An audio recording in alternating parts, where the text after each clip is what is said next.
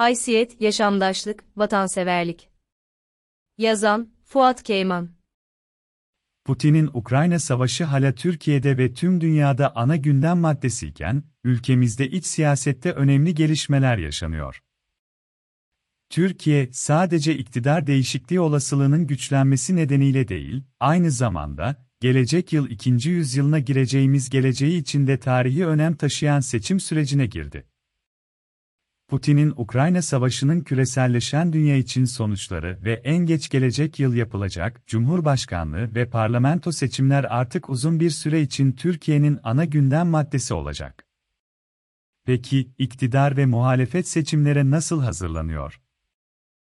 Daha da önemlisi, tüm ciddi kamuoyu araştırmalarının gösterdiği gibi, her iki seçimi de kazanma olasılığı yüksek olan Millet İttifakı ve muhalefet partileri ne yapmalı, nasıl bir strateji ve taktikle seçimlere hazırlanmalı?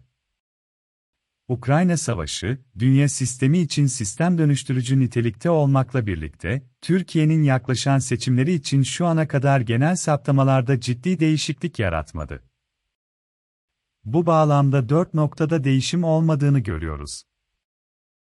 Birincisi, iktidar ve muhalefet cumhurbaşkanlığı ve parlamento seçimlerine kafa kafaya giriyorlar, ikisinin de seçimleri kazanma ve kaybetme olasılığı birbirine yakın oranlarda. İkincisi, muhalefetin seçimleri kaybetmesinin temel nedeni iktidarın değil, aksine kendisinin yapacağı hatalar olacak. Dolayısıyla stratejik ve taktiksel hata yapmayan muhalefetin seçim kazanma olasılığı ciddi ve yüksek. Üçüncüsü, başta işsizlik, yoksulluk ve hayat pahalılığı olmak üzere, ekonomik sorunlar ve insanların yaşadığı adaletsizlik sorunu seçimlerin temel belirleyicisi olacak. Dördüncüsü, 2018 yılının son yarısından bugüne geldiğimiz noktada, yurt içinde ve yurt dışında, güçlü iktidar zayıf muhalefet denklemi ve Türkiye Erdoğan, söylemi bitmiş ve daha önemlisi, muhalefetin seçimleri kazanacağı ve Türkiye'yi iyi yöneteceği algısı kabullenilmiş durumda. Cumhur İttifakı Bu dört nokta içinde, Cumhur İttifakı stratejik ve taktiksel olarak seçimlere nasıl hazırlanıyor diye baktığımızda şunu görüyoruz, seçim kanununda kendi yararına yapacağı değişikliklerle mecliste çoğunluk kazanmak istiyor.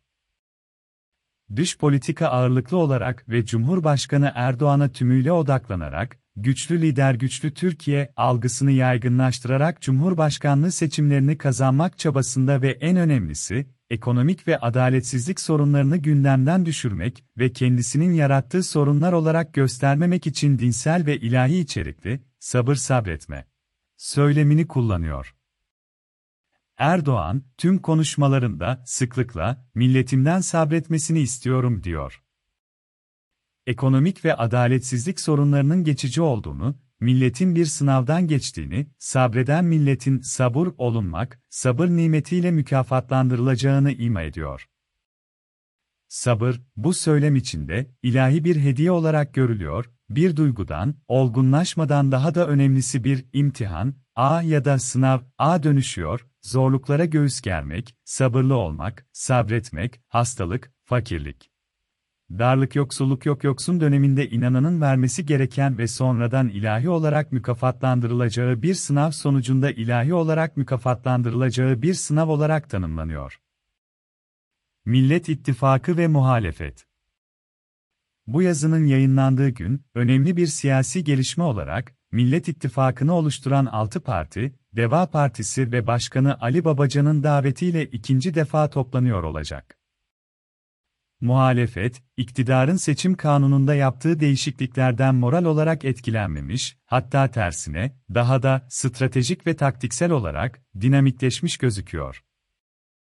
Dahası, hata yapmadığı ve doğru stratejik ve taktiksel manevralarla hareket ettiği sürece, seçimleri kazanma şansının yüksek olduğunu bilerek hareket ediyor görüntüsünü veriyor. Doğru stratejinin sadece seçimleri kazanmak değil, aynı zamanda Türkiye'yi iyi, demokratik, adil yönetme kapasitesine ve iradesine sahip olduğunu topluma inandırıcı olarak anlatmak olduğunu biliyor.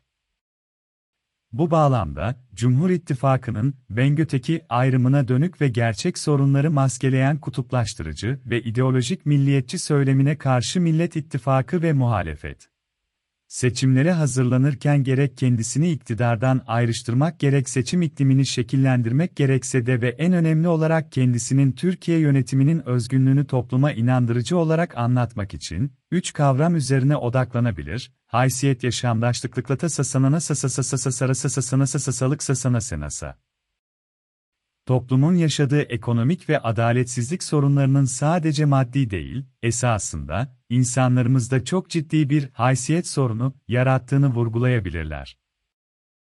İşsiz, hayat pahalılığı içinde ezilen, güvencesiz insanlarımız, haysiyetleri eksilmiş bir psikoloji içindeler. Haysiyet eksikliğine sabredin denilemez, haysiyet eksikliği ilahi bir sınav olamaz. Yönetenin görevi, toplumdan, güvencesizlerden sabretmesini istemek değil, haysiyetli ve adaletli bir Türkiye yaratmak için çalışmak olmalıdır. Haysiyetli ve adaletli bir Türkiye için çalışmak, seçim kazanmaktan daha da önemlidir. Bu muhalefetin 2023 ve sonrası Türkiye hikayesi olabilir. Sadece insan ve insan hakları odaklı da düşünülmemelidir. Haysiyetli ve adaletli Türkiye, tüm canlıları, doğayı ve gezegeni, diğer bir deyişle yaşamı kapsamalıdır. Yaşam, yaşamsallık, yaşamdaşlık, haysiyetli ve adaletli bir toplumun odak noktasıdır. Türkiye'yi tüm canlılarıyla farklılıkları içinde insanlarıyla, doğasıyla, gezegenle birlikte, yaşamı ve yaşamsallığı öncül görerek yönetmek, muhalefetin temel amacını oluşturabilir. Bunu da muhalefet, sadece demokratlık temelinde değil, Türkiye'yi, yaşamı, yerelden küresele gezegeni sevdiği için, yaşamsallık temelinde vatansever olduğu için yapmalıdır. Cumhur İttifakı'nın milliyetçiliğine karşı, yaşamsallık temelinde vatanseverlik, ötekileştirişi milliyetçilik değil, kapsayıcı vatanseverlik, demokratlıkla uyumlu vatanseverlik, Millet İttifakı'nın ve muhalefetin ana söylemi olabilir. 20 yüzyılın vatanseverlik kuramı ve ideolojisinden farklı olarak, 21 yüzyıl vatanseverliği ve Türkiye sevgisi, yaşamsal, kapsayıcı ve demokrat olmak durumundadır. Seçim kanunları ve içerikleri bir yere kadar önemlidir. Seçimleri kazandıran, seçim ikliminin kimin tarafından ve nasıl şekillendiğidir, yaşamsever vatanseverlik temelinde haysiyetli ve adaletli bir Türkiye yaratmak isteği ve çabası, seçimleri kazanmanın anahtarı olarak gözüküyor.